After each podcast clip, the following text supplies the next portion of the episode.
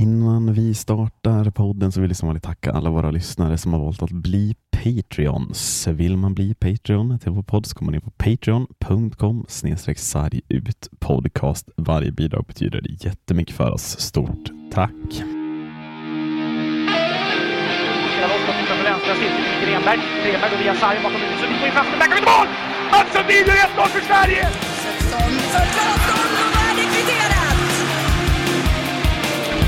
Så kommer läge och pucken ligger fri och den går i mål! Zibanejad har ni sett! Har ni sett?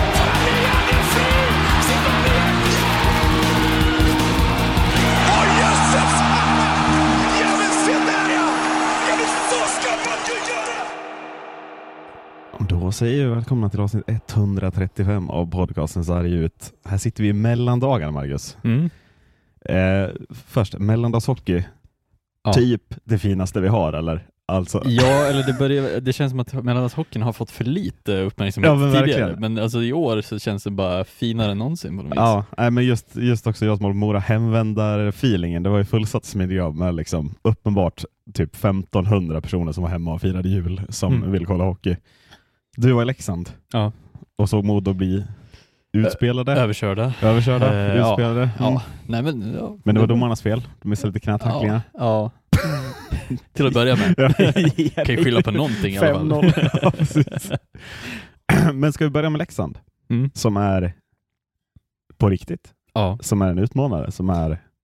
ja, alltså. Det, Vad men- ser du i matchen? Du ser Lukas Elvenes ha total show till att börja med? eller? Ja, framförallt. Alltså, jag tycker väl att, alltså, jag, jag tycker inte att man ska se det som ett, ett, ett dåligt, man, en dålig match av Modo framförallt. Det är det ju, jag tycker inte att Modo gör en dålig match fram till tredje perioden, Nej, eh, utan jag tycker att Leksand bara är bättre. numret större. Liksom. De är liksom Mm. också ett nummer till större än vad vi är vana vid. Eh, och jag tror att det är lite resultatet av att man har spelare som är friska helt och hållet. Man har liksom en tränarstab som har kommit på plats och, och verkligen fått dem att fungera. Jag tror även att nu, nu, nu ska man inte liksom kasta all form av liksom skit på Hellqvist, för jag tycker att det är hans spelidé som de i princip bara har vant sig vid och Ja, sen exakt. applicerat i ja, princip. Samt att de har ju fått tillbaka spelare. Alltså Ja. Jag tycker man pratar för lite om Ja. att Leksand var ganska skadeskjutet Ja. ett bra tag också. Så. Så jag tror att man, man ändå ska dra lite slutsatser av att det- är nu Leksand har kommit igång på riktigt och fått, fått i, kommit ikapp liksom det som de hade Ja, men missat och det, början. visar ju, liksom. alltså det visar ju alla siffror. Titta formtabellen senaste 15 matcherna. Det är Mm. Leksand som har tagit flest poäng. mm. Det är ju liksom, det är inte ett bevis på att det bara är en temporär formkurva. Nej. 15 matcher är ändå, det är ju halva säsongen vi pratar om där Leksand Mm. nu har tagit igång och tagit, alltså snittar ju över två poäng per match senaste 15 matcherna. ja. Det är ju en siffra som, som hade man hållit det från start, då hade man ju varit uppe och nosat på Färjestad och Växjös siffror redan. Liksom. ja. Eh, och jag tycker det verkligen blir en, en, eh, någonting att tänka på när, när det har gått liksom lite sämre för Leksand framöver, eller Mm. i början och så vidare. Men det, det känns ju verkligen nu som att, alltså inte bara att man har de här toppkedjorna som man haft tidigare Nej. heller, utan man har alltså Lukas Elvenäs som vi har pratat om tidigare, ser ut som en av de bästa spelarna i hela SHL Ja. just nu. Gör ju också tre poäng den här matchen och har ju fullständig show eh, när han går förbi Brickley. Jag tycker Ja, men, det ja, är... verkligen. Och, och jag tycker också Peter Cehlarik, alltså för två år sedan när han och Rivik hade, då pratade alla om de två som, som några av seriens bästa spelare. Nu tycker jag ingen pratar om Peter Cehlarik som Mm. en av ligans bästa. Alltså han är Nej, ju verkligen. Han är ju totalt dominant. Han leder väl plus minus-ligan, har en helt otrolig statistik framåt fem. Mm. Det är ju en av ligans absolut bästa forwards, om Mm. typ inte den bästa. Jag vet inte hur många andra jag håller högre när jag Mm. ser Cehlarik i den här formen. Det är ju alltså det är tyngd, det är snabbhet och ett skott som ju väldigt, väldigt få spelare sitter inne på när han väl Ja. får lägen också. Så. Ja, nej, så det finns många, många positiva saker. Och sen också Mantas Armalis Mm. tycker jag också Är, är tillbaka, ja, ja. verkligen. Eh, jag tycker inte att det är någonting att fundera över längre, utan jag tycker att han verkligen visar att han, Mm. alltså så här, de få lägen vi ändå hade så är Mantas Armalis i vägen. Alltså det är liksom, Men och sen också, jag tänker väl, alltså Leksands målvaktssituation som vi tidigare har pratat om, så här, mm, lite skakigt att Filip Larsson ska vara den som ska hålla på första spaden, men det är ju fantastiskt scoutingarbete när nu Larsson har tvingat Armalis till att steppa upp och liksom komma att nu måste, ja men ska du stå Mantas, då Mm. lär du upp i där du var förra året liksom. Och Ja. dit är ju Mantas på väg nu. ja precis. Och då har ju Leksand alla ingredienser för att utmana, ja men semifinal upplever jag, alltså utan tvekan upplever jag liksom. Mm. Eh, Modo då? Mm. Fortsatt problem mot topplagen, men jag tycker vi skiter i Leksandsmatchen, konstaterar att ni var numret för små. Men eh, ja, ni slår HV, det är plötsligt 10 poäng ner till nedflyttningsplats. Samtidigt lyckas Rögle förlora mot Oskarshamn. Mm. Alltså nu, ja, nu börjar det närma sig på riktigt här att det är liksom stabilt och klart att ni inte kommer behöva kvala tycker jag. Mm. Och jag tycker att det, det alltid, jag försöker nästan hela tiden lugna ner alla runt omkring för att det känns som att många blir så här, ja blir det nedflyttning nu eller Mm, blir det liksom mm. så här, Alltså det, det viktiga att komma ihåg är att vi ska bara inte komma sist. Nej, Det är verkligen. det enda vi inte ska göra. Ja, alltså, så ja. här, kommer vi sist, ja då finns det ju en stor risk att det, det kan falla ner. Mm. Att det liksom, men jag tycker att, som du också nämnde innan, att Modo har inte förlorat mer än tre matcher i rad på hela säsongen. Nej, och det löser ni ju nu återigen och då ska vi ändå prata om att ni kommer ju alltså från eh, ett, alltså 5-1 bort mot Färjestad, 7-3 bort mot Färjestad, 5-0 bort mot Leksand. Det är ju alltså målskillnad på, vad blir det? Ja, typ 17-4, Ja. 18-4 på tre matcher mot topplag. Mm. Där är ju är, ni är ju inte ens nära i någon av matcherna. Nej. Och ändå kommer man att hitta självförtroende och tror på att jo men hemma mot HV så kan vi vinna och det gör man igen. Nu har man slagit HV i tre av tre matcher den säsongen. Mm. Ni har 10 poäng ner till HV. Vart kommer de poängen? Jo, i matcherna mot HV. Och det Ja. är ju precis där de alltså, poängen måste komma. Det är liksom, Ja. det är så otroligt, otroligt bra. Alltså, jag tycker Modo jobbar så rätt. Mm. Att det, det handlar om att vinna rätt matcher och inte fel matcher. Eller säger. Ja precis, och sen ska man fokusera på Alltså jag tycker inte att man ska fokusera så mycket på resultaten mot de här bättre lagen heller. Nej. Alltså Leksand ska vi ju rent tekniskt sett inte Ja, ha men spelar roll om man förlorar med 5 5-0 eller 5-4. Ja. Det är fortfarande noll poäng. Ja precis, Ja. sen tycker jag att vi tappar tredje perioden, det gör vi ju. Ja. Men alltså, vi ska inte fokusera på att vinna de matcherna, vi ska bara hoppas på att vi tar någon poäng. Ja. Annars så är det fine liksom. Så här. Vi ska Jo, bara det fokusera blir på ju helt spel. onödigt att kräma ur allting och kriga till sig en poäng bort mot Leksand för att sen komma in Mm. lite tröttare mot HV hemma. Då är det bättre att bara, ah, men nu gjorde Leksand 3-0. Mm. Nu laddar vi om. HV nästa uppgift. Sen spelar det roll om Leksand gör två, tre mål till då. Mm. Men att det fortfarande blir, ja, men nästa uppgift är jag upplever att Modo flyttar fokus till HV redan innan matchen mot Leksand är slut nästan. Ja. Sen blir det tråkigt för dig som står borta.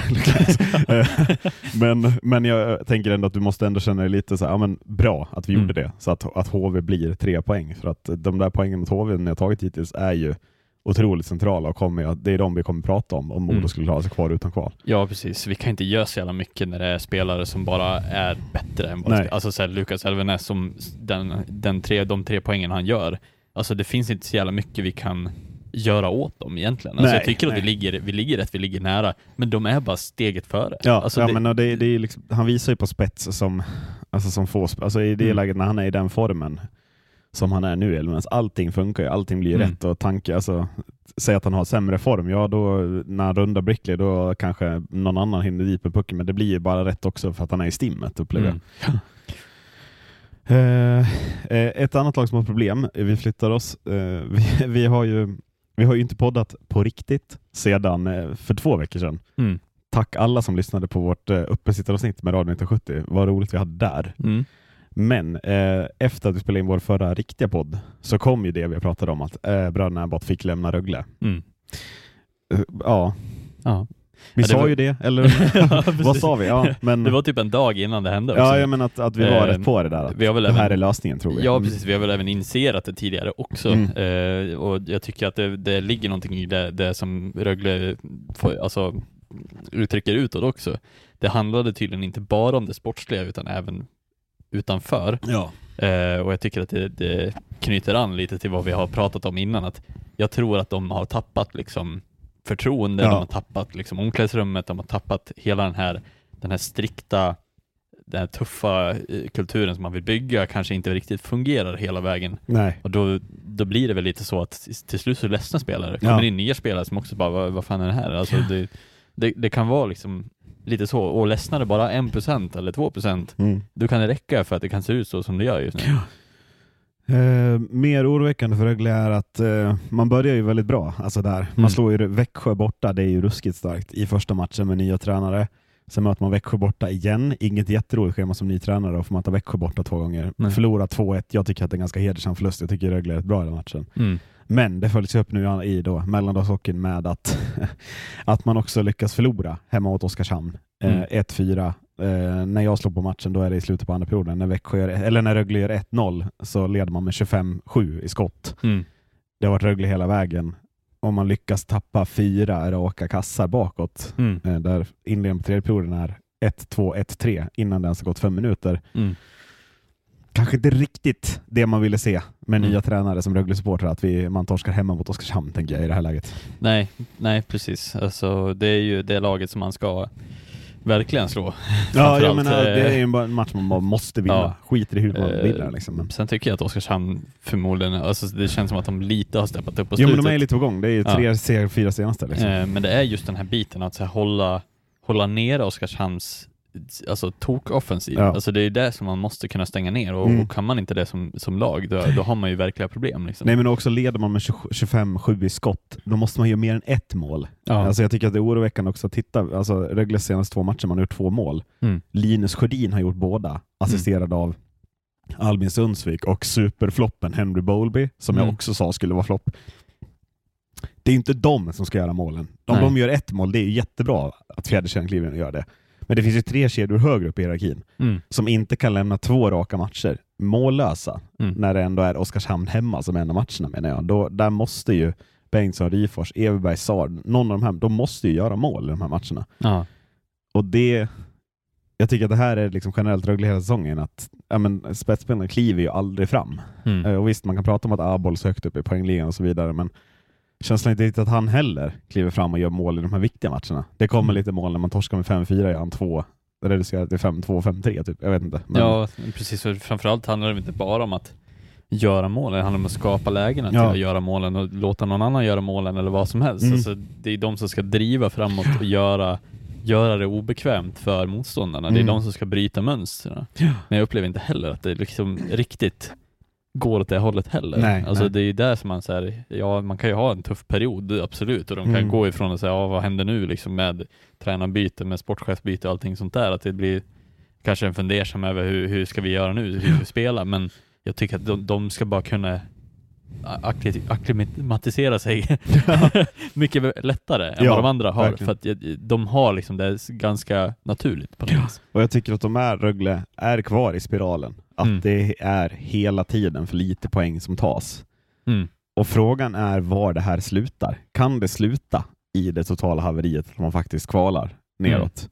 till slut? Och då är det ju ett av de största, större flopparna vi ser i SHLs historia sedan det blivit SHL. Men är det där det kan sluta? Eller Ja. ser du att de kliver ur spiralen? Att man knyter näven efter den här förlusten och tänker fan i helvete att vi ska torska mot Oskarshamn liksom. Men Ja, en bra fråga. Alltså, det känns som att de har ju vridit på varenda sten nu. Som de, är- alltså, de Mm. har ju ändå gjort de saker som vi har, har ju, så här, frågat ända sedan i, i höstas. Liksom, att mm. De har gjort någon värvning, de har gjort liksom, eh, tränarbyte, sportchefsbyte, de har tagit in en back, tagit in en forward. Alltså, så här, Ja men vad är kvar att göra? Alltså, Nej. vil, vilka växlar finns att dra? Nej, det precis. finns inte många växlar kvar. Nu bara Nej. ska man nästan börja sparka någon spelare för att väcka folk. Jag Ja. vet inte. Sparka precis. SAR typ liksom. Men ja, Det känns också som en riskfylld växel på många sätt ja, precis. Men, eh, i det här läget. Men det men- känns som att de måste göra någonting som, som verkligen väcker att det här är på allvar. Liksom. Ja, och om, Ehm. att, att sparka bröderna Abbott inte räcker, Mm. det känns ju oroväckande. Sett Mm. till vilken instans de har varit i svensk hockey, men framförallt i Rögle sedan de kom dit så har ju de byggt upp allt det här. Ja. Att, att det ska rasera med dem en säsong och det kan innebära kval neråt. Det känns ju ovärdigt på många plan. Ja, verkligen. Eh, så att, ja, nej, det ska bli intressant att se nu framöver hur, hur de liksom tar sig an de här matcherna. Det kanske är så att det är en startsträcka Ja, eh, för de här, liksom att, att komma igång och så, men jag tycker att det, det, det känns mot Oskarshamn ska den startsträckan inte märkas av på det sättet som den gör. framförallt inte när man leder med 25, eh, 27 skott och gör, och gör 1-0. För mig är det Ja. ett under hur man kan släppa den Ja. matchen från det läget framåt. Liksom. Kanske ska Eh, byta mentala coach eller något sånt där. Alltså, Ja, få eller in skaffa en åtminstone. En, ja, ja, precis. Men det, jag antar att de har det. De är liksom heltidsbetalande. Men är det inte lite förvånande om man tittar liksom Alltså det känns som att Rögle har haft så många chanser att liksom ta sig ikapp Modo, om vi pratar utifrån det. ja, Och ändå när vi nu summerar så är de fortfarande fem poäng bakom. ja, Jag vet inte hur du känner, men Modo har ju tappat ganska mycket efter starten. Att det har Mm. inte varit kontinuerliga segrar som det var ett tag. nej precis. Och att Rögle då fortfarande inte ens hittar en väg att komma ikapp er med truppen de har, Mm. är väl ganska märkligt, eller? Ja, ja, absolut. Jag är väldigt tacksam över, tacksam över att det är eh, på det sättet Mm. och att de lyckas, att de inte lyckas hämta in, för jag menar, vi har haft våra raka eh, förluststreaks och vi har haft liksom tuffa perioder, Ja. eh, vilket var ganska väntat egentligen, men ja, att, att vi lyckas hålla dem bakom oss och att Rögle, ja det är där största Mm. problemet är och det är deras mål egentligen, borde ju vara att sikta på den positionen som vi är på Mm. Just nu i alla fall. Nej men precis, och samtidigt som, som menar, Malmö blandar sig in ballar också, de är väl bakom er också nu? Efter sin start. Mm. Jag Inte tror det är jo, men det, jo, det är Jag är helt säker på att de ja. är det. ja, och det, och det är också så här. Jaha, Mm. ska Malmö blanda sig i botten? Alltså, kan, finns, ser du något sa- sammanhang där Oskarshamn plötsligt plattar till där? Det är fyra segrar senaste fem. Mm. Eller är Oskarshamn gjutna i botten? Eller bör Oskarshamn hitta något? Ja, Alltså, jag, jag, tycker att Oskarshamn mycket ska liksom fortsätta, alltså det känns lite som att de har någonting att fortsätta på. mm. För de har ju inte så jävla mycket att förlora egentligen. Nej, men det är, I ju det det, är det jag menar. Oskarshamn, alla har ju redan räknat ut dem. Mm. Och är nu ett läge där det, det ju- känns ju, även fast Oskarshamn är toksist, så är det mer ångest just nu i Mm. Rögle, Örebro, Malmö, HV liksom. Ja. att, att, att det är så här, ja, och det känns också underkänt om Oskarshamn skulle jobba sig ikapp. Nu tror Mm. jag inte att de gör det, men det är trots allt fyra segrar senaste fem Mm. från Oskarshamn. Det har ju inte riktigt de här andra lagen vi pratar om. Nej, precis. För att Oskarshamn, Oskarshamn har ju fått mer en stämpel av att man blir mer förvånad över när de vinner. Ja, Men de andra blir ju så här, ja. Alltså så här, det man är blir, förvånad det, hur de kan vara så dåliga. Ja, precis. Det, blir- det blir mer åt andra hållet och, och Mm. den pressen tror jag också ställer till rätt mycket problem för de här lagen, för det är ganska högt ansedda lag Ja, som ligger där. Alltså, jag tänker att Malmö borde ju mer omfamna att de, de var ju också ganska uträknade från start. Det tycker jag inte riktigt de gör, utan nu har folk i Malmö tänkt, de har lärt sig av starten på säsongen att men vi är ju bra liksom. Ja, Det är också lite farligt när det börjar gå dåligt, för det var också ganska väntat att Malmö skulle falla likt Modo, tycker jag. Mm. Att, ja, men, de har inte riktigt truppen för det heller. Liksom. nej precis. Och ja, det blir otroligt intressant att se Mm. också med, alltså så här, för det känns ju, som du säger det här med, med den prestationsångesten som, som många av lagen har. Mm. Alltså släpper den från något lag i den där botten, ja då kan du ju verkligen alltså, åka av. Ja men det kan ju gå fort. Ja. alltså, då är det ju bara några segrar så förbi, för de andra lagen har ju det inte i sig att vinna kontinuerliga matcher. Det visar ju Modos tabellplacering tycker jag, att Modo, man tar någon seger här och där, det räcker för att hålla sig liksom borta från att tappa de här Mm. poängen ner som är så viktiga. Mm. Eh, var tror du landet slut då? Eller liksom, vad ser du hända? HV tappar nu André Pettersson i en månad. Örebro, de får the Hedberg treatment som jag varnar dem för. Att varje match, ja men vi gör bra saker fast vi förlorar Ja. hela tiden. Ja, precis. Och eh, ja, Rögle har vi pratat om. Ja, nej men Alltså jag, jag, jag ser alltså mest orolig för HV Rögle. Ja, För att där, där, där känns det mer som att det handlar om Alltså de, de vet inte hur de ska ta, ur, Nej, ta sig nej, ur det nej. riktigt. Oskarshamn har ändå ljuspunkter där de kan vinna matcher på bara ren liksom, göra mer mål än motståndaren. ja precis. Men det känns som att det finns mera ångest la- laddad, alltså laddat med ångest i Rögle och HV än och vad det kanske gör mest i. Rögle, Ja. efter ändå tränarbytet inte ger någon effekt Mm. upplever jag. Ja. Eh, vad, vad ser vi? Vad, Rögles schema, vad har vi framför oss? Man har derby mot eh, Malmö här som kommer nu eh, på lördag. Sen är det Leksand borta, Modo borta, Timrå borta. Mm. Det här kan, det här kan bli riktigt mörkt. Ja, ja, det här kan bli riktigt, riktigt mörkt Ja. om det vill sig illa. Alltså derbyt kan ju besluta hur som helst, men jag upplever att sen, de där raka borta matcherna är fruktansvärt tuffa alltså. Mm. Och Modo-matchen blir ju... Ja, jag tror jag ska bänka mig. Mm. Ja, det, det blir otroligt spännande och det blir ju viktigt för båda, båda parter, absolut. Men, ja men verkligen. eh, ja, ja, spelschemat blir ju otroligt viktigt nu efter jul och, Mm. och hur det landar liksom, så att ja, det ska bli Ja, vilken slutspurt. Ja, alltså, alltså- Även om det har blivit lite, för, alltså, vi pratade om, om den här tabellen som kanske den jämnaste någonsin. Mm. Nu har det ändå blivit lite mera uppdelat Ja, på det sättet. Och man ser ju ändå den bottenstriden som en ganska attraktiv bottenstrid Mm. ändå. Eh, det är liksom inte något avhängt lag på samma sätt som det var. Nej men och, och, glappet kommer ju ändå sen. Visst, nu är det bara fyra poäng mellan, mellan Modo och Frölunda där. Mm. Men, men mellan nionde och åttonde platsen nu, där känns det som att glappet ändå ligger. Eh, Frölunda, jag vet inte hur starkt de kommer från Sprängler Cup. Vi fick till sist svaret varför de har spelat så många matcher. Fan vad pajigt. Men ja, de är där. Frölunda Team Canada. Med Jordi Ben som lagkapten. Vi kommer till det senare. Ja, men, men att där är ändå, där är glappet, eller hur? Ja. Det är åtta lag, Frölunda uppåt, som kommer göra upp om de åtta slutspelsplatserna upplever jag. För jag tror inte att de åtta de nedanför krigar till sig något. Det skulle vara en play-in-skräll möjligtvis, men känslan är ju att troligtvis är det Frölunda, eller Färjestad och Växjö som kommer att få möta lag 7-8. Det känns som att Färjestad och Växjö har en jävligt trevlig väg in i semifinal om de bara håller sig ett och två upplever jag. Ja. Eh, Ja, verkligen. Ja, det, det ska också bli kul att se om det, om det blir bara så utstakat som det är eller om det sker några sådana skrällar. Det hade varit väldigt roligt. Men man ser ju inte riktigt något lag i toppen falla eller? Nej, alltså Luleå, Skellefteå, Timrå, Linköping, Leksand. Det är inte så att man tror att oj, här kommer det sju raka Nej. torsk. Nej, precis. Alltså det enda som är är väl typ om, om, eh, om man skulle kunna se Alltså något av lagen åka på tuffa skador i slutet Ja, eller ja, någonting precis. sånt där. Nu har ju Skellefteå fått tillbaks eh, Jonathan Jonsson, som jag Ja, alltid säger precis, fel, ja. men nu är Och båda tillbaks. Liksom. Sen hade väl Skellefteå hade väl avstängningar för båda Arvid Lundberg och Oskar Lindberg som kom tillbaka också. Ja, precis. Eh, så att må- många av lagen är ju liksom fulltaliga. Det finns Mm. väl någon enstaka skada här och där, men eh, det ska ju liksom, det ska ju till någonting extra extraordinärt Ja. för att det ska liksom ske någon form av förfall. Det är väl typ bara Linköping som jag är typ lite orolig för att det kan falla lite längre ner än topp fyra. Jo men det, det, tror jag, det tror jag också, men Linköping har skaffat sig för mycket poäng för att det ska bli liksom ens Ja. aktuellt att de åker ner. Alltså det, det, de kommer inte ta sig tio raka matcher liksom, Nej. utan, utan det, jag tror som du, de kanske slutar sexa till slut, att det, Mm. det kommer ett litet tapp. Men att generellt så, så de har ju tagit alldeles för mycket poäng för att det ska vara farligt. Mm. Vi stannar kvar i SHL. Eh, vi ska till Luleå. Ja. Ehm, där, där det kanske ändå liksom eh, blåser lite, eller stormar lite, Mm. efter att Mario Kempe gått ut och eh, Ja, alltså vad har han gått ut? Han vill inte spela, eller vad är liksom?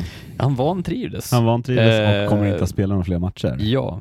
Eh, varför han vantrivdes, det är väl inte eh, Nej, någonting som är öppet, men, men eh, ja, det är väl det som han har uttryckt och Ja. det är inte från Luleås sida utan det är från Mario Kempes sida. Han vill inte vara kvar eh, och Luleås kommunikation blir ju liksom, ja men eh, vi ska försöka lösa det här ekonomiskt. De lär ju få bort Kempes eller få hans kontrakt någon annanstans.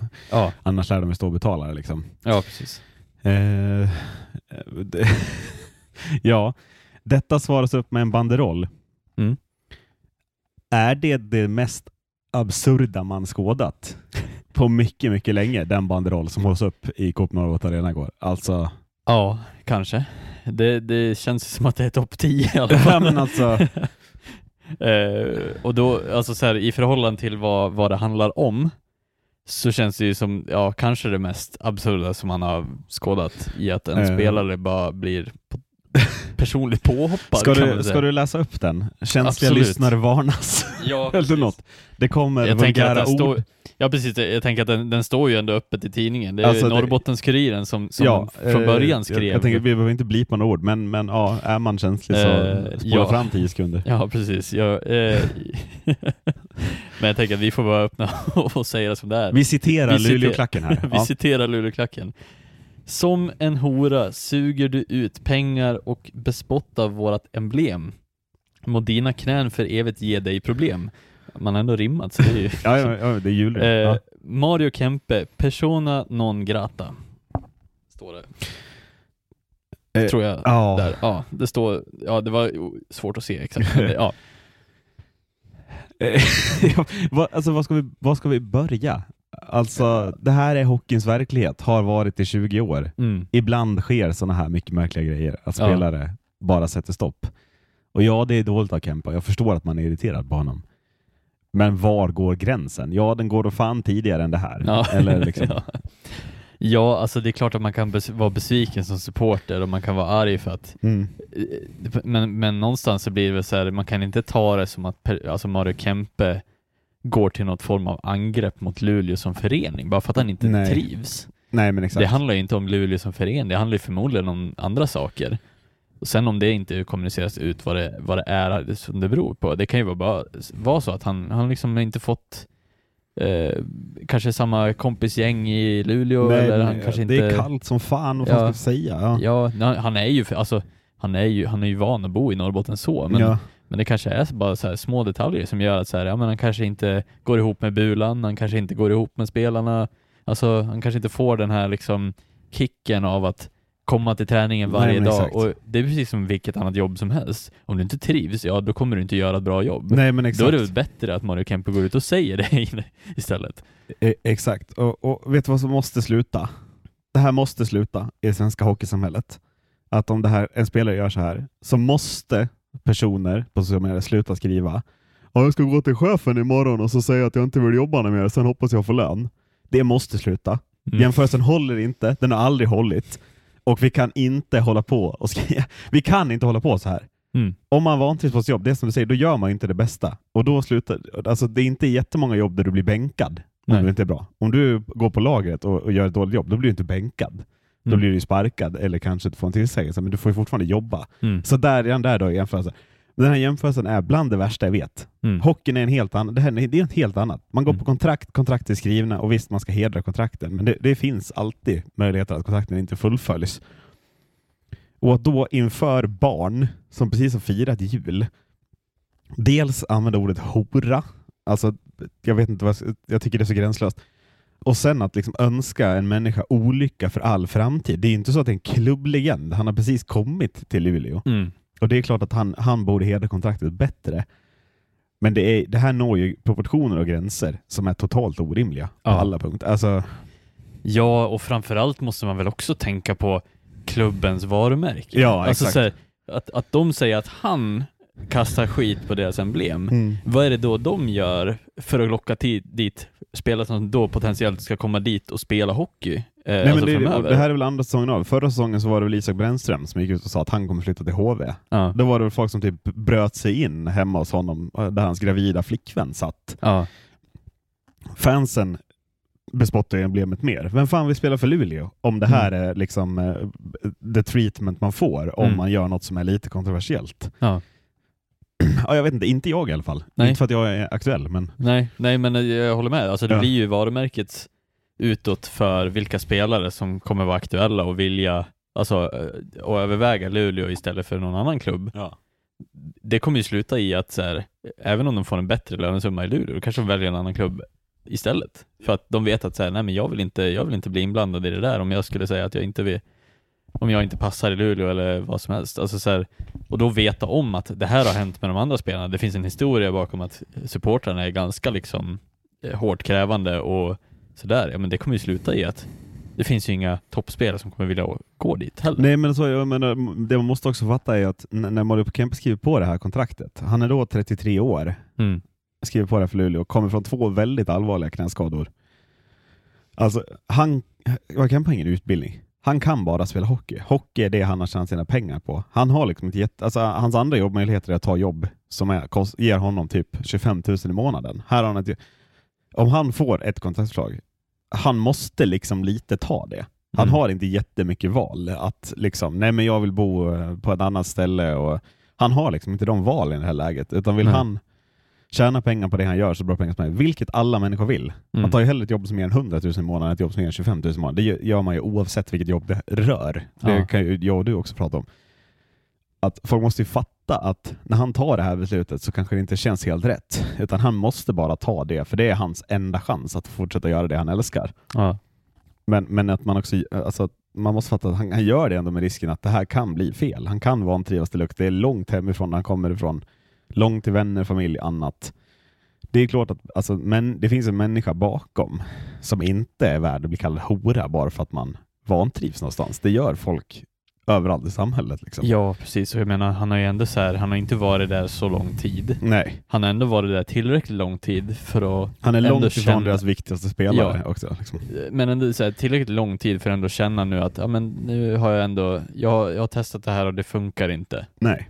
Eh, och då tycker jag hellre, så som Kempe gör, och säga att jag, det, jag trivs inte. Nej. Alltså vara öppen och ärlig med det istället för att han får, ska fortsätta och bara låtsas som att ingenting har hänt. Ja men eller åka runt på isen och inte vara bra. Ja. Nej, jag, jag upplever också att jag, jag backar hellre att fler spelare gör som Kempe än att liksom Ja. försöker och inte, liksom, att det inte går. Ja precis, hur, hur är det att förstöra, förstöra för Luleå som klubb? Det är, Men- det nej, men, det är liksom ju bara att suga ur pengar. Jo men vad fan. Alltså, bara, det Då hjälper man ju Luleå att ja. ta, ta ett ganska enkelt beslut. Om Luleå bara löser det här så kan Ja. de få in en mycket bättre spelare för de här Ja. pengarna. Han hade ju kunnat vara kvar hela säsongen och, alltså, så och bara fått- sugit ut pengarna. Ja, sugit ut pengarna på mer riktigt. ja. ja, exakt. Ja. Eh, så att, nej, jag, jag, jag, är helt oförstående till varför det här är en sån stor grej i, i Ja men exakt, och det verkar ju vara, det verkar vara en oroväckande kultur så att det samma händer med Brännström. Sen förstår jag Brännströms grej, men att han är också öppen, men jag kommer lämna. Sen gör ju Brännström, han är fortfarande en av Luleås bästa spelare förra säsongen. Ja. Och det är det ingen som pratar om, utan alla minns bara att Brännström, det liksom blev typ stenkastning mot rutorna hos honom. Det här måste man ju, det här måste ju liksom supportergrupperna i Luleå, liksom, alltså man måste ju gå ihop. Att så här, men visst det kanske är få människor som förstör, men det är ändå ing, det är väldigt lite, man har inte sett det i övriga hockey-Sverige någonstans riktigt och då har det här ändå hänt. Det var inte så Mm. att Rodrigo Abols fönster blev förstörda i Örebro när han kommunicerade det förra säsongen. Alltså, Mm. gränsen är ju så passerad så att det blir ju tragiskt. Ja, precis. Och sen måste vi också så här, eh, nu, nu tror jag att eh, Mario Kempe har ju ändå kopplats ihop med en schweizisk klubb som, eh, som tydligen ska vara ganska långtgående. Jag förstår att det är liksom mycket pengar i Schweiz och så vidare. Exakt.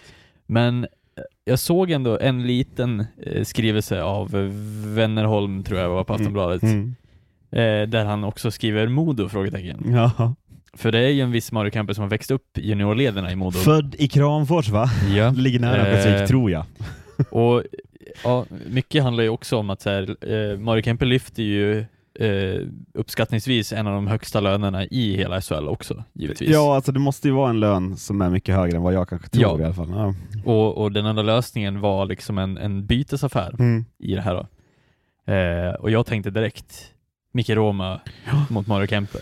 Absolut. Eh, för jag tycker att Micke Roma får inte ut det han, han kan i Modo och Mario Kempe får inte ut det Nej, och han på kan. tal om hur personen ser ut och vad han trivas så är känslan Micke Roma, alltså Mm. dags att flytta hem, flytt, Ja, flytta någonstans du trivs. Ja. För att han trivs ju inte i Sverige nu, upp, alltså trivs Nej. inte i Leksand, trivs uppenbarligen inte i Modo tycker jag det ser ut som heller. Nej, att, eh, och jag tycker att det är en, en eh, match made in heaven bytestrade om det skulle vara så. Framförallt om ni får Eh, ut något av Kempe ja. Ja. Eh, och jag tror att det vore ju konstigt om man inte skulle trivas på hemmaplan. Nej, men det. Eh, jag, vet, men- jag vet ingenting, har han kvar familj? Jag vet ingenting nej, om han nej, har kvar det. ingen, Nej. ingen aning Det heller. får vi bara spekulera i. Men Mm. eh, ja, det, troligast så är det väl Schweiz förmodligen. Men eh, ja, det, det hade ju varit kul att Ja, och verkligen. sett en sån stor trade i svensk hockey ändå. Som man ju önskar alltid se mer av. Trades. Ja, absolut. Eh, Allsvenskan eller JVM? Vad känner du för? Ta ett JVM mellan kanske? Ja, Som är igång. ja. Eh, och kul är det. Fan vad Supermäktigt ju. Ja. 12 000 i Skandinavien mot Lettland och Tyskland. Ja. 11-0 i målskillnad två matcher. Sverige flyger. Ja, och det är ju det man verkligen vill se också med Mm. eh, alltså, så ett svenskt lag som har all, eh, all, eh, vad heter det? nu tappar jag orden Det är här. bloopers-avsnitt här. Ja, verkligen. Vad har all, all, Eh, de har ju all chans i världen. ja, ja, verkligen. Ja, men alltså, Alltså, helt ärligt. Ser vi, alltså, jag känner för första gången på rätt länge att ja, men nu, nu är det läge här alltså att gå långt. mm, Kan det bli en final kanske? ja. Nej men alltså det, det laget som vi ställer upp med, det är väl kanske ett av de starkaste lagen som vi har sett på, på, på väldigt länge, skulle jag säga. Ja, alltså jag, den här forwardsidan är jag väldigt kär i måste jag säga. Jag Mm. Ja, ska vi prata centersidor? Ska jag det. Men alltså Östlund, Bystedt, Edström. Mm. Det är så stark har inte en svensk centersida varit på väldigt, väldigt länge i Mm. JVM sammanhang. Det är väldigt, väldigt starkt och Mm. jag tycker att Östlund, Lekkerimäki, Ögren visar ju att this is the year. Förra Mm. året var mer av en hype-år med de tre, men det Mm. här är ju, det är ju de tre som leder den här forwardsidan. Ja. Eh, och alla, nu har ju Liam Ögren varit skadad större delen av säsongen Ja, men givetvis, men alltså eh, han är ju i gränslandet mellan att liksom vara en, en ordinarie SHL-spelare Jo, och, så eh, och så vidare. Och Lekkerimäki har ju bara ver- verkligen visat varför han, varför han är så hypad som han varit eh, Ja, i ja, SHL i år. alltså, han har ju gjort, gjort väldigt mycket viktiga mål för Han gör ju viktiga mål, liksom. Mm. inte bara mål, utan Nej. viktiga mål. Ja. Eh, nej, så det, det har varit väldigt kul. Jag har varit lite så här att jag, jag lyckats tajma och missa mycket av, av matcherna, men jag har ändå liksom försökt plocka upp dem och, och Mm. kolla på dem i efterhand och så vidare. Och, eh, jag tycker att eh, det är ett markant, en, en markant skillnad som jag märker att vi, vi skjuter väldigt mycket mera. Ja, ja än vanligt. precis. Ehm, jag är lite allergisk mot det vissa lägen, men, men det jag gillar är ju om man tittar typ matchen mot Tyskland, Mm. där vi är ju så tydligt bättre hela matchen. Eh, men det är också en sån match Tyskland är ju med, vi får inte riktigt hål, vi leder med 1-0. Alltså, Tyskland, har, Tyskarna är inte dåliga, de har ju några farliga lägen.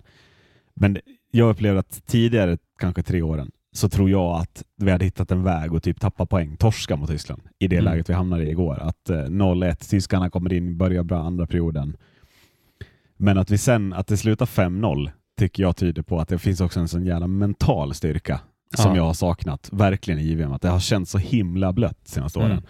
Och tyskarna, men de kommer ju, de slår ju Finland. Finland visar ju, ja, den matchen såg jag också av någon anledning, men Finland visar ju precis det som Sverige visat. Alltså gud vad blött att tappa poäng, alltså torska Tyskland Mm. när man leder matchen tre gånger med liksom 1-0, 3-1, 2, alltså så. Ja.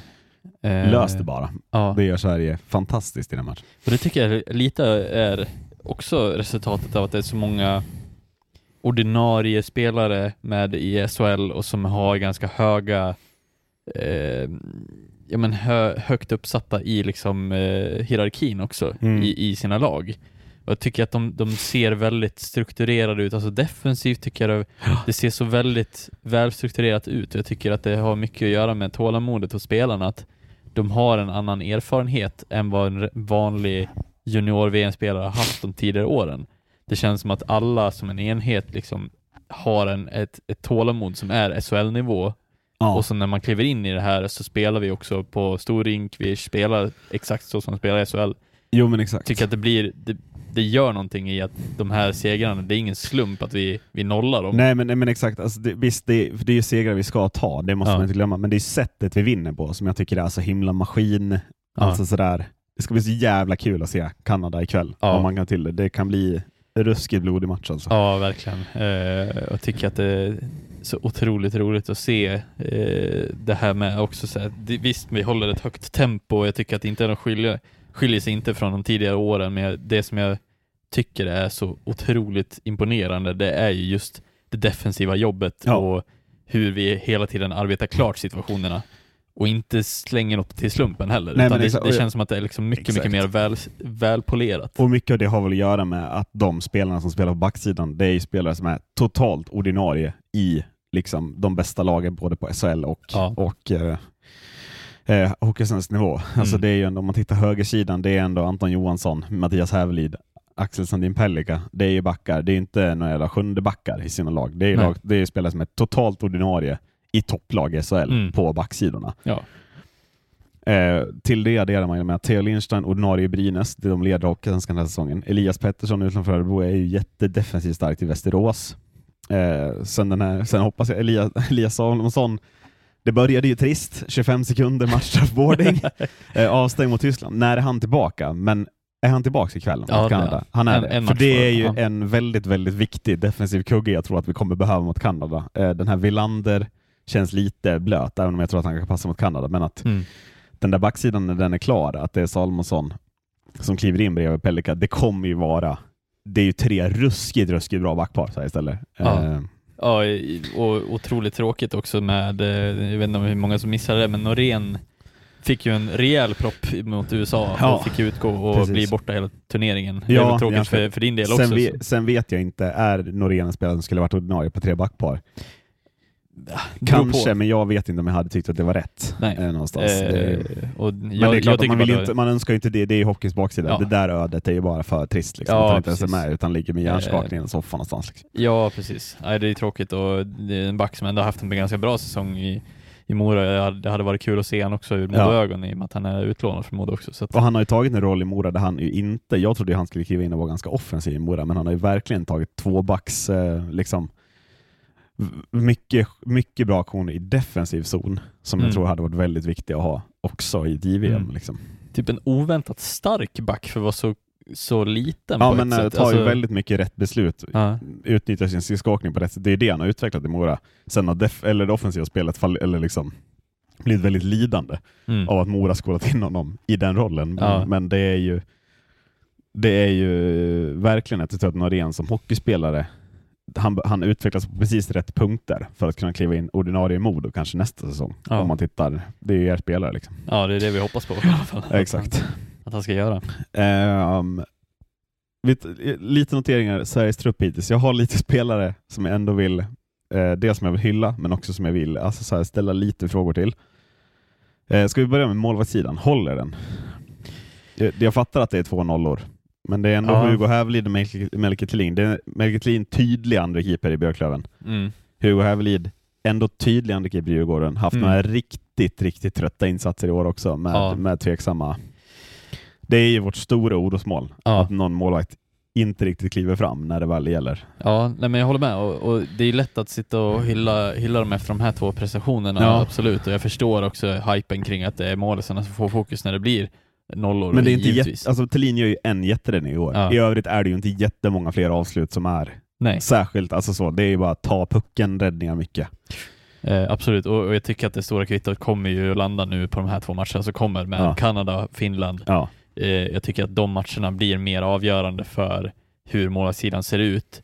Eh, men ja, absolut, det var vår största svaghet och då har vi inte jättemånga svagheter i det här laget från första början. Nej men det verkligen, verkligen. Men det måste ses som två största svagheterna i förhållande till vad vi har på att ställa på banan. Jo men verkligen, och matchen mot Finland blir ju väldigt akut också för där kommer det ju Finland börjar med, alltså man torskar enkelt mot Kanada, man torskar mot Tyskland, de kommer ju slå Lettland som är uppenbart sist i gruppen. Men sen vänt, det är Sverige-Finland, det är en match där vi kommer gå in som ganska tydliga favoriter. Där blir ju också, alltså det, det blir en väldigt speciell match på det sättet att vi ska axla ett favoritskap i en match där vi sällan, alltså där det ofta är på förhand liksom en jämn match. Ja. Men där vi, jag tror Sverige kommer gå in, alltså det kommer vara under två i odds på Sverige, sett hur Finland presterat här. Ja.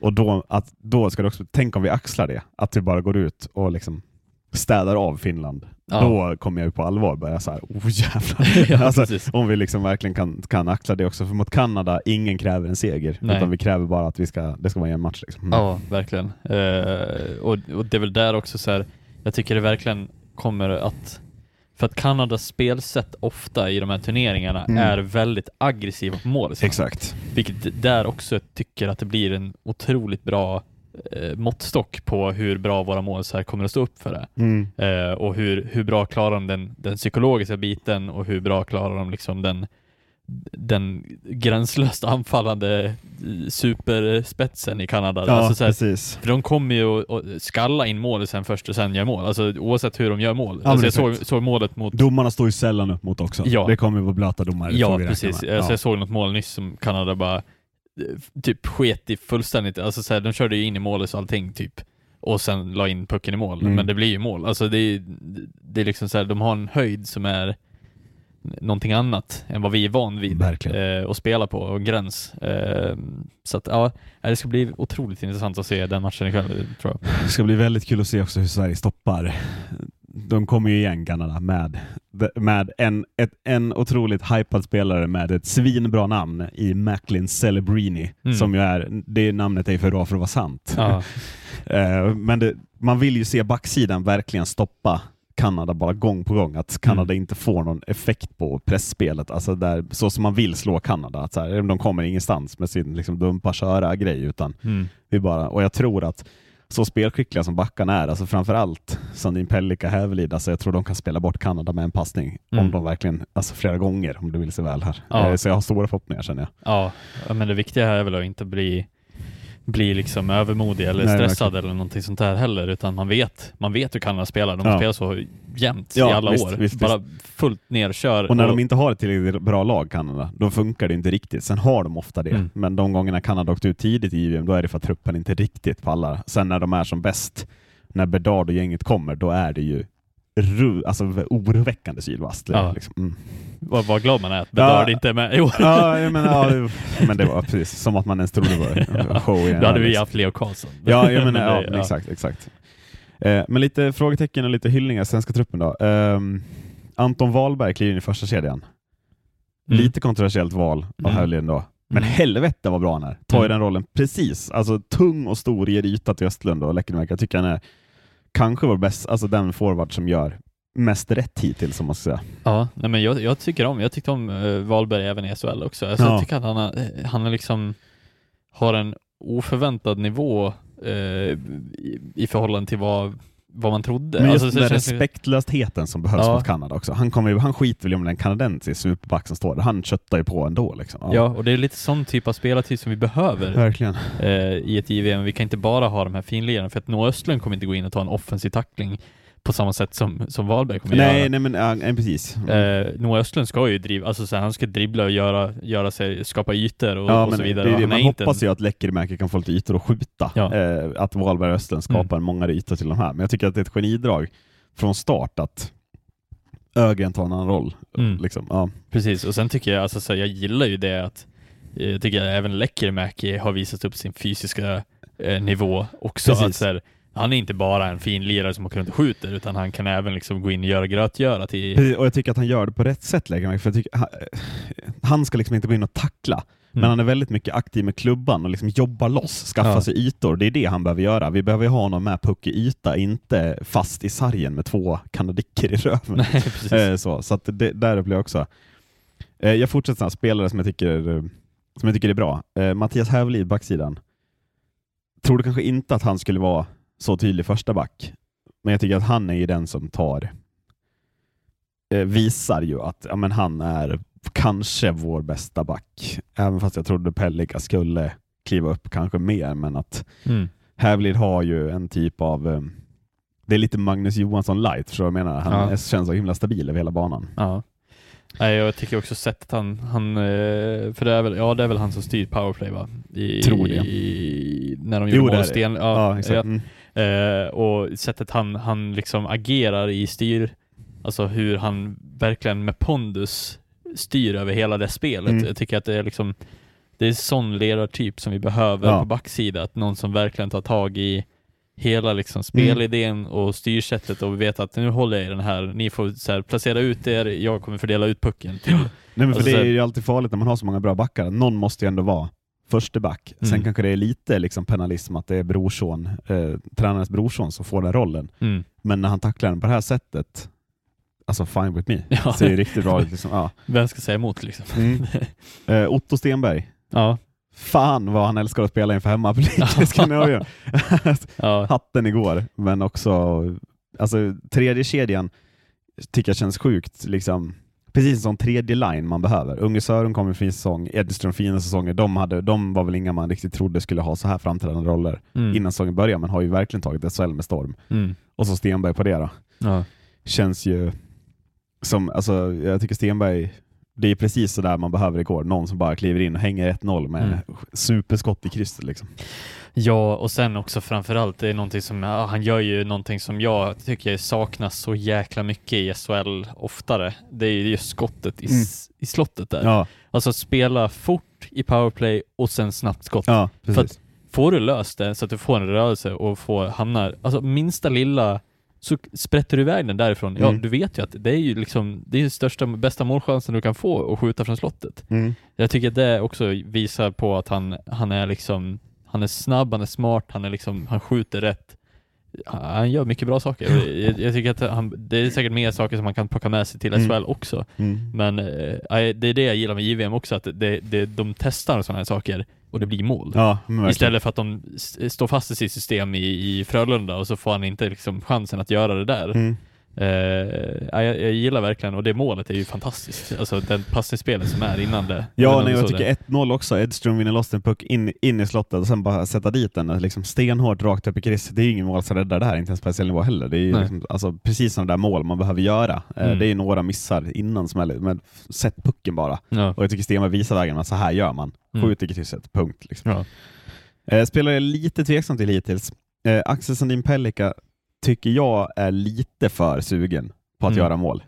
Han kommer in och har gjort jävligt mycket mål i SHL, jag fattar det, men chilla lite Axel. Målen, målen kommer lite. Att Ja, det är lite precis. mycket, mycket skott. Ja. Skott, skott, skott från blå. Det ska skjutas, skjutas, skjutas. Han ska vara, det är lite för mycket Erik Karlsson när han spelar i VM. Allt skulle skjutas på. Mm. Eh, att så här, ja, men, finns det inte lite mer att hämta från Pellikka i offensiven, att han får skjuta lite mer rätt lägen och sen passa lite mer rätt lägen. För det. ja, precis. Och jag menar, jag tror att det är lätt att bli så också när man har en bra säsong i ryggen och man vet man har Framförallt när han har självförtroende. gjort så mycket mål. Ja. Alltså han har gjort mål som en forward. Ja, precis. Eh, och jag tror att det blir fa- fara för att man tror att man måste vara samma typ av spelare. Det, det, det är helt fel tänk, tankesätt ja, egentligen. precis. Ja. Det enda du behöver komma in med det är att du- vet att du har de egenskaperna. Ja. Men sen så behöver du också Anpassa dig bättre, efter, ja. ja. precis, Mm. efter spelidén, efter vad du har för roll i hela bilen. Sen givetvis ska ju Axel Sandin Parka vara en Han ska ju ta skott, back. förstå mig rätt, men att det får inte bli det här... eh, Erik Karlsson hade det också stundtals när han spelade JVM, att till sist så bara allt skott. Ja. Alltså, så här, men det finns en bättre passning Ja. ibland. Eh, Ja. Och liksom ta skotten i rätt lägen och inte bara bomba, bomba, bomba. Liksom. Framförallt när man har så många dyk- duktiga Ja, skyttar men på forwardsidan Mm. i det här laget. Och Jag tycker att, för att jag tror att många scoutar har scoutat framförallt Sandin Pelika ganska hårt, Mm. Vilket gör också att han kommer förmodligen få en begränsad tid att avfyra skottet Ja, och vi har också. inte råd mot Kanada att tappa skott i första täck. De Nej. lär förbi liksom. Ja. Vi lär få ner det bakom. Precis. Kanada får inte vända på oss, för det tål vi inte tror jag. Precis, eh, och det gör ju också att det måste ju vara, precis som med, jag såg det med Hävelid också, det här finta skott, eller i alla Ja. fall sälj skottet lite grann. Precis. Alltså du behöver inte finta det, men gör det liksom mera så här, för många kommer förvänta sig att, Mm. att, att Pelika skjuter. Ja. Vilket gör att han har ju en fördel redan där, att kunna slå passningen för, alltså istället för att skjuta. Så att det blir liksom, ja, jag tycker att det, det finns fördelar som man kan hämta ur det och jag tycker Mm. att man ska ha tålamodet. För Jag tycker det är det, Hävelid visar upp som mer mogenhet i det Mm. eh, spelet. Att, ja, men jag, det finns andra bättre lägen som Mm. Pelika fortfarande saknar lite. Eh, den jag tycker har störst problem hittills, som jag är väldigt orolig för, Liam Ögren. Mm. Jag tycker att det ser så otroligt frustrerat ut. Och jag tycker han tar fel beslut på fel beslut, skjuter i fel lägen, passar i fel lägen. Väldigt också rak, alltså hela tiden avgörande passning, eh, väl, väldigt lite för lite liksom upp på blå, vi börjar om. Mm. Ehm, och jag förstår att han kommer in i den här turneringen med en frustration. Det har varit skadebenägen säsong, inte riktigt tagit plats i Frölunda. Samtidigt ser han Lekkerimäki Österlen, sina bästa polare, ha lite av show i SL. Alltså, de kommer in och är fantastiskt bra. Jag förstår att han är frustrerad, men det här måste man hitta. Jag gillar att man heter honom kaptens eh, C, för då kan han ta den rollen och verkligen driva laget. Men han behöver hitta, för han spelar alldeles för riskfyllt just nu upplever jag. Eh, Mm. han har Bystedt bredvid sig som är genial liksom, på att, på att eh, dra ner tempo öka tempo i, i sin sköna spelstil. Så det finns ju mer att hämta från andra kedjan upplever jag än vad man hämtar i nuläget kanske. Ja. ja, nej jag håller med. Alltså, det känns ju också som att eh, ja, det, var, det är lite av en, av en chansning också i själva liksom eh, att han kommer med i truppen, Mm. tycker jag. Eh, I och med att han Men inte det har går spelat inte så många- riktigt ta bort dem heller. Nej, ju. nej, Det, det är en väldigt jobbig situation och jag Ja. förstår också att det är värt att chansa och få igång honom Mm. för att det är en fantastisk ishockeyspelare och det har, man ju, har han ju visat i Djurgården och framförallt han har en SHL-plats. Han hade förmodligen haft en ordinarie SHL-plats hela säsongen. Ja. Eh, men just det här med att det kommer att vara en liten startsträcka för Liam Ögren att komma in i den här Mm, turneringen tror mm. jag. Och det blir liksom så här, han kommer bara behöva få all stöttning han kan få från Hävelid coach Mm. och liksom spelarna runt omkring för att eh, alla vet ju, han är en fantastisk hockeyspelare Precis, men det är precis. just det här, det är tufft att komma in man behöver hitta, han behöver vanan, hitta ett liksom. enklare spel. Det är lite för mycket JVM-show. Alltså så, det är lite för mycket, nu kommer jag en mot två, då ska man dribbla förbi båda och göra något drömmål. mm. Det är lite för mycket den tanken i huvudet att nu är det JVM, nu ska vi ha show, nu ska det bara liksom alla ska stå upp och jubla över hur coolt JVM är. Det gör vi ändå, men vi behöver hitta rätt lägen att ta. Alltså så här, kom, Mm. Vi måste ta rätt beslut i rätt lägen och det tycker jag ju många gör rätt i, men jag tycker att Ögren hittills det ser alldeles för frustrerad Mm. ut.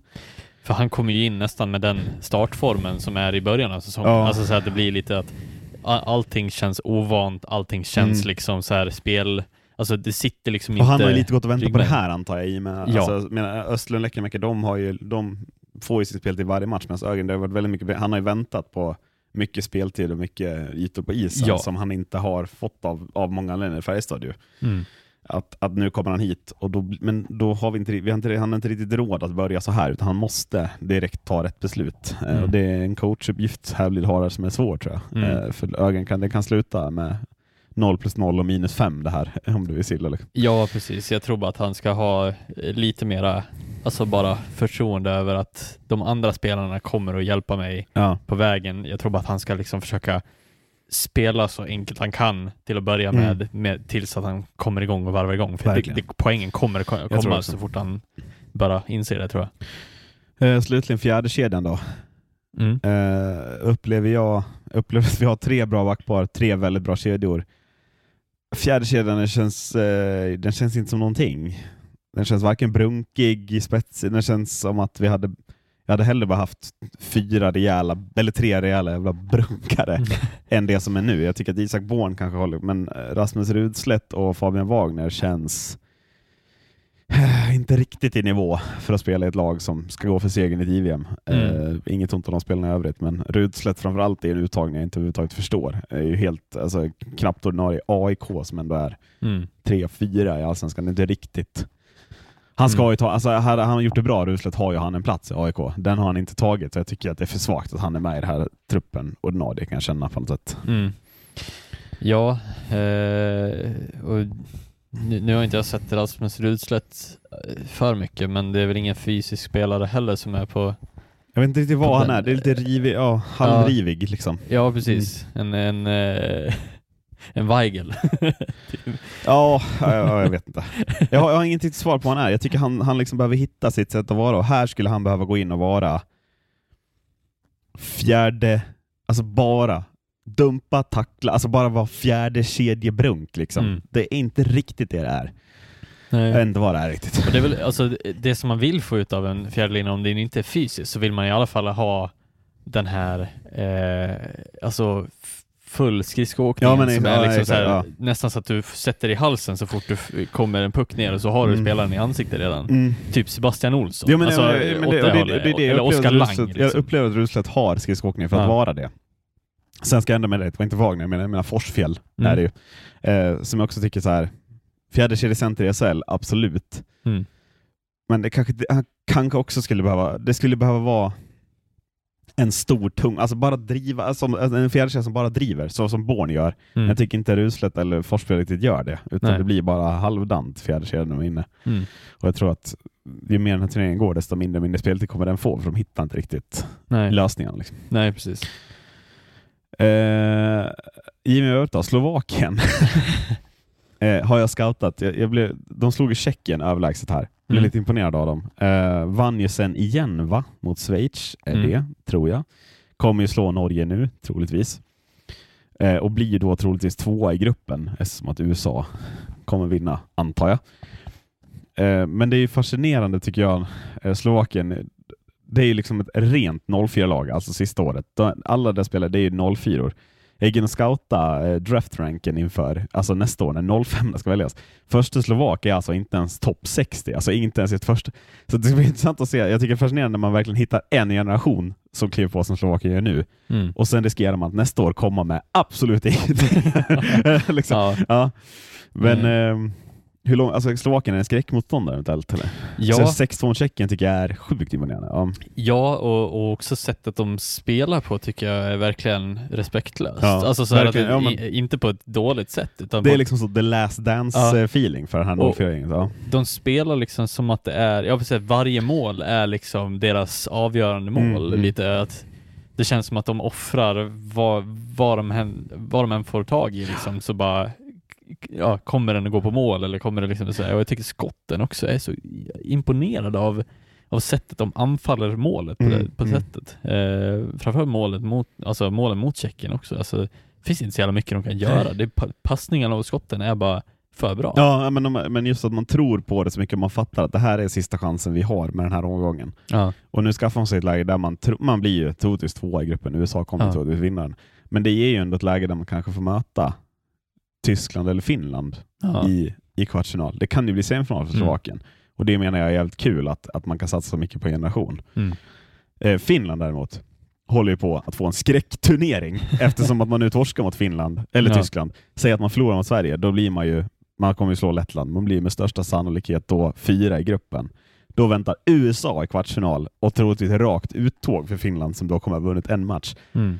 Åh, vad man inte vill ha sådana turneringar. Alltså vilken skräckturnering det håller Ja. på att bli. Eh, Framförallt med Finland som jag tycker har, har steppat upp väldigt Som har mycket varit så med, bra så många år, ja. med ungdoms, Mm. ungdomsverksamheten och allting. Jag tycker att de eh, i år har jag väl inte lika bra koll på deras lag men det, liksom, det känns Ja det vore tråkigt för dem att, falla ut så pass tidigt när man gör sådana, alltså som du sa med plattmatcher mot Tyskland Ja, och, och liksom Det ska men just ju att man bara hända. sätter sig i liksom situationen att det kan bli USA i kvartsfinal. Ja, Det håller ju inte. Man måste ju få en lite lättare match. Liksom. Ja. ja nej, det, det är tråkigt. Mm.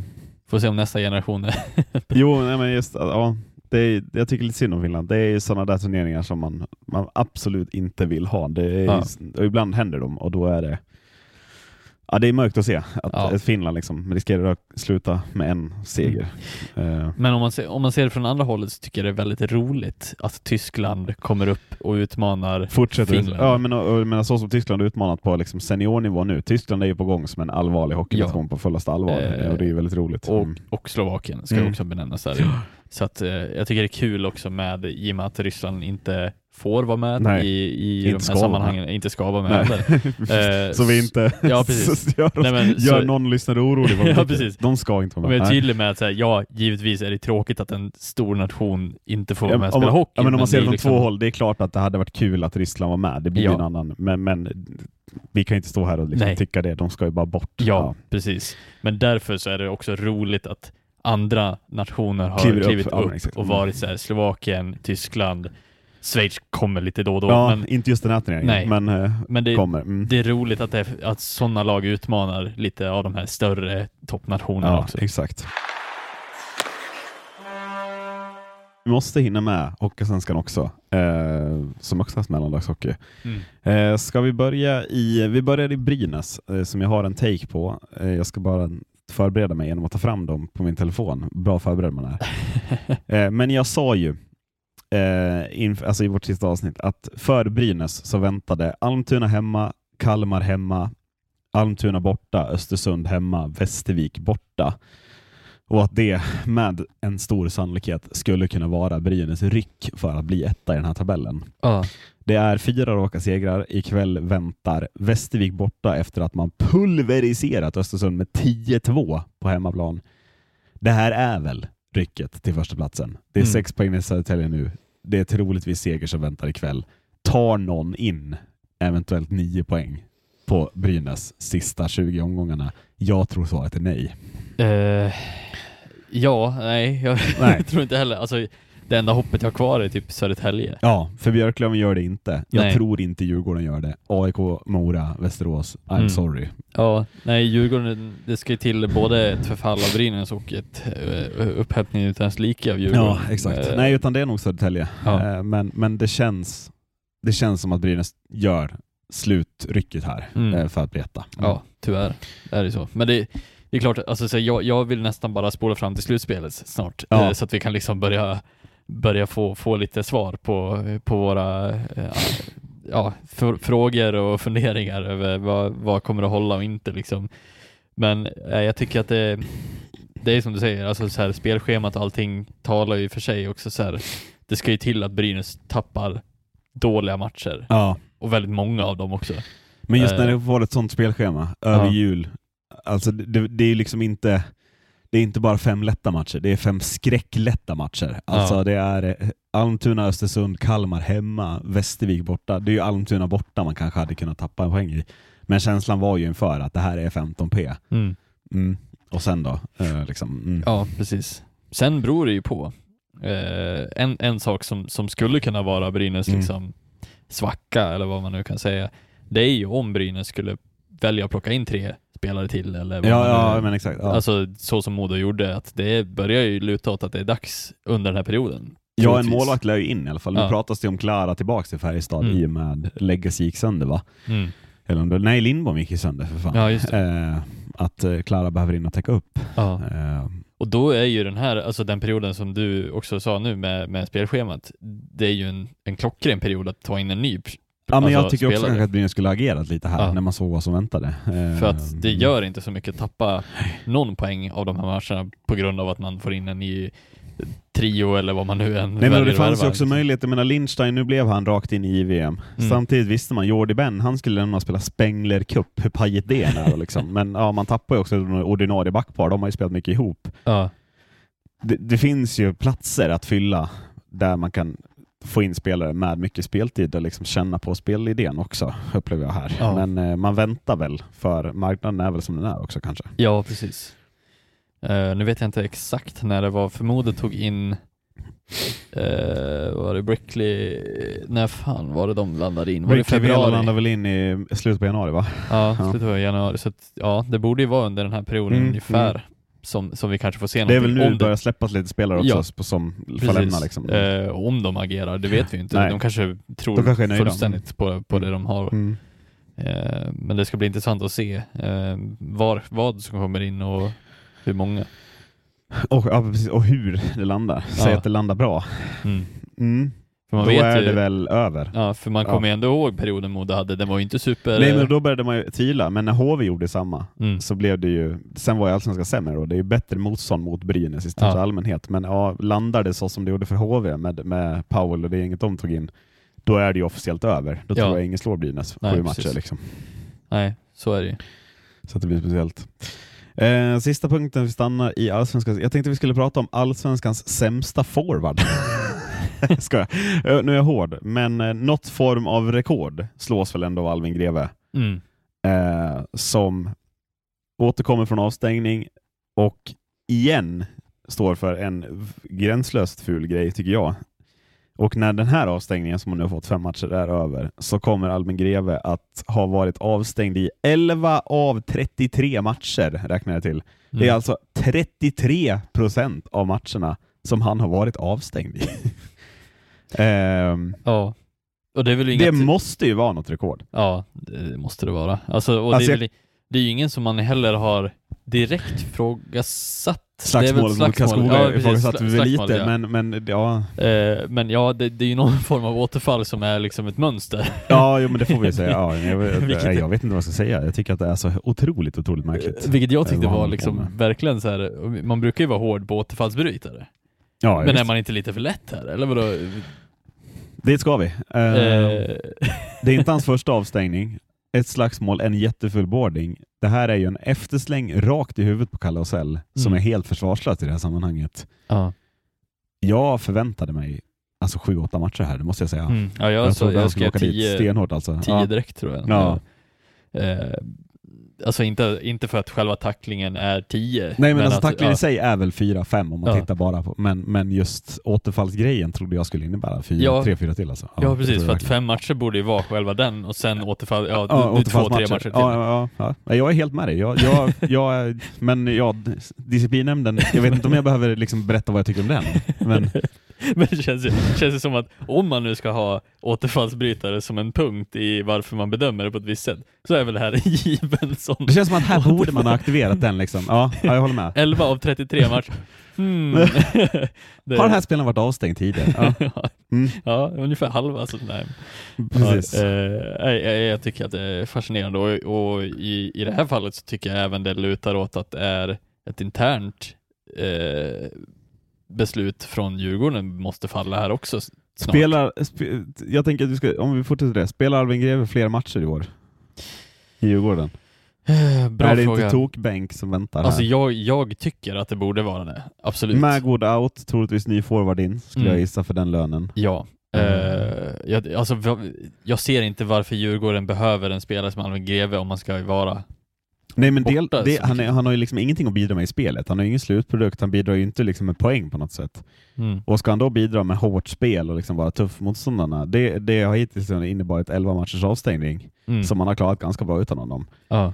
Så att, ja, nej, nej, alltså, jag, alltså, jag, ser nej, inte, jag, jag ser inte heller hur, hur det inte kan finnas vilken spelare som helst som, som fyller den luckan egentligen. känslan är att han har Eh, gjort sin sista match i Djurgården i år. Mm. Nästa säsong då? Ja. Förlänger Djurgården kontraktet? Mycket tveksamt. Vilket lag i Sverige tittar? Ja, Albin Greve vill vi ha. Mm. Ja, nej, det, Var tar Albin Greves hockeykarriär vägen efter Ja. den här säsongen? När man tittar på det här. Ja, verkligen. Nej, det är väldigt mörkt att se det så på det Ja, sättet. men, att det, så känns jag som, alltså, håller det är fortfarande en ung kille, men ja. det här är väl slutet på en eventuellt alltså skadedrabbad sedan tidigare, lite hjärnskakningsproblem. Uppenbara problem att hålla sig på isen. Alltså det är ju rent av skadliga grejer. Alltså, jag menar, de förlorar matchen, både mot Mora och AIK, där han tar de här matchstraffen. Ja. Ja, nej, jag, jag håller med. Det känns ju som att eh, framförallt Djurgården bör agera eh, på det första Mm. planet och det är ju att eh, ja, säga upp kontraktet tror jag med Albin GW. Det är det första ja nej, men göra, alltså, liksom. i alla fall läckta honom. Liksom. Ja, Ja. jag till och med eh, bänkar. Det kanske är dumt att säga upp kontraktet. Jag tror, inte att, de- alltså, jag tror inte att de får iväg det kontraktet. Utan Nej. man kan ju, i så fall, alltså, Djurgården måste ju nästan försöka bearbeta honom att Albin, helt ärligt, så vad är det? Mental Mm. coach, läckta honom lite, ge honom tid att hitta tillbaks till någonting. Det finns ju någonting där som är en allsvensk spelare, det har jag ändå sett i Mora. Ja, absolut. Det är, Eh, det är tufft liksom. Ja. Nej, så det är ju väldigt fascinerande hur det, hur det kan gå så fel under en sån månad. Det är ju Ja. helt sanslöst. Nej, men och sen, det enda som jag ser om jag tittar i nuläget är ju att ska Albin Greve spela i Sverige topp 2-nivå nästa säsong, då är ju det att brödernas Väsby kliver upp i Allsvenskan. Ja. Jag tror inget annat allsvenskt lag är sugen på honom. Och då, ja, det skulle vara typ en nykomling som, Ja. som tar chansen. Men, men jag, jag tror liksom ingen, alltså, jag, han verkar vilja vara i Stockholm. Mm. Mm. Djurgården tror jag inte är jättesugn. Liksom. Nej. Eh, känns, känns väldigt mörkt Ja. på många sätt, sett hur han hanterat den här säsongen. Ja. Och verkligen inte någonting som Djurgården behöver Nej, i, den, i det stadie som Djurgården har varit i och, och är fortfarande. Liksom Mm. att det känns som att de behöver all fokus de kan få på den ishockey de ska bedriva. Då kan man inte ha en spelare som åker runt och bara är arg på saker. Nej, men, Eh, alltså, men AIK vinner ju typ matchen på att de gör mål i powerplayet. Ja, får man nästan säga. Mm. Eh, kanske inte riktigt, men, men AIK får ju fördelen där då, i derbyt. Ja. mm, Djurgården möter Södertälje ikväll. mm. torsk där så pratar vi ju en skräckvecka för Djurgården som jag inte är säker på att Mikael Holmqvist hanterar asbra heller. Jag vet inte. Nej, nu är ju lite smekmånaden över på den här tränarboosten. som Känns är, som att det är lite ändå börjar tydliggöra att Djurgården inte riktigt har truppen för det heller. Mm. Att, alltså att, ta, kliv- att bli topp 6, absolut, men det här klivet upp man pratar om, jag tror inte Djurgården har det i sig när jag ser dem, Nej. Nej, måste jag säga. nej, jag har svårt att se det nu i alla fall. Det är lite för mycket Eh. liksom, frågetecken. Ja, jag trodde att vi skulle se ett, ett annat typ av Djurgården på Globen Ja. i, här, häromdagen. Men eh, nej, det, det, det känns som att det inte alls får igång det här tugget och det här drivet i laget. Inte än. stor utsträckning för att vara med och utmana över sju matcher Mm. mot typ Brynäs och Södertälje i alla Mm. fall. Det upplever jag inte. Och framförallt om Kryger kliver av så Nej men inte det gör han ju match. alldeles för ofta också. Ja. Alltså, man förlitar sig för mycket på att Kryger ska hålla den här säsongen. Ja. Han gör ju inte det. Nej, Eh, det, är, det är två olika lag. Ja men det är ja, lite för mycket också som beror Ja. på honom. Jag tycker det också. Så att, ja. Så att det blir tufft. Eh, det var Seriös mellandags podd tänker jag. Mm. Eh, vad borde Albin Greve göra mer? Borde spela mer sarg. det borde han göra. Tack för att ni har lyssnat. Hej då. Hej då.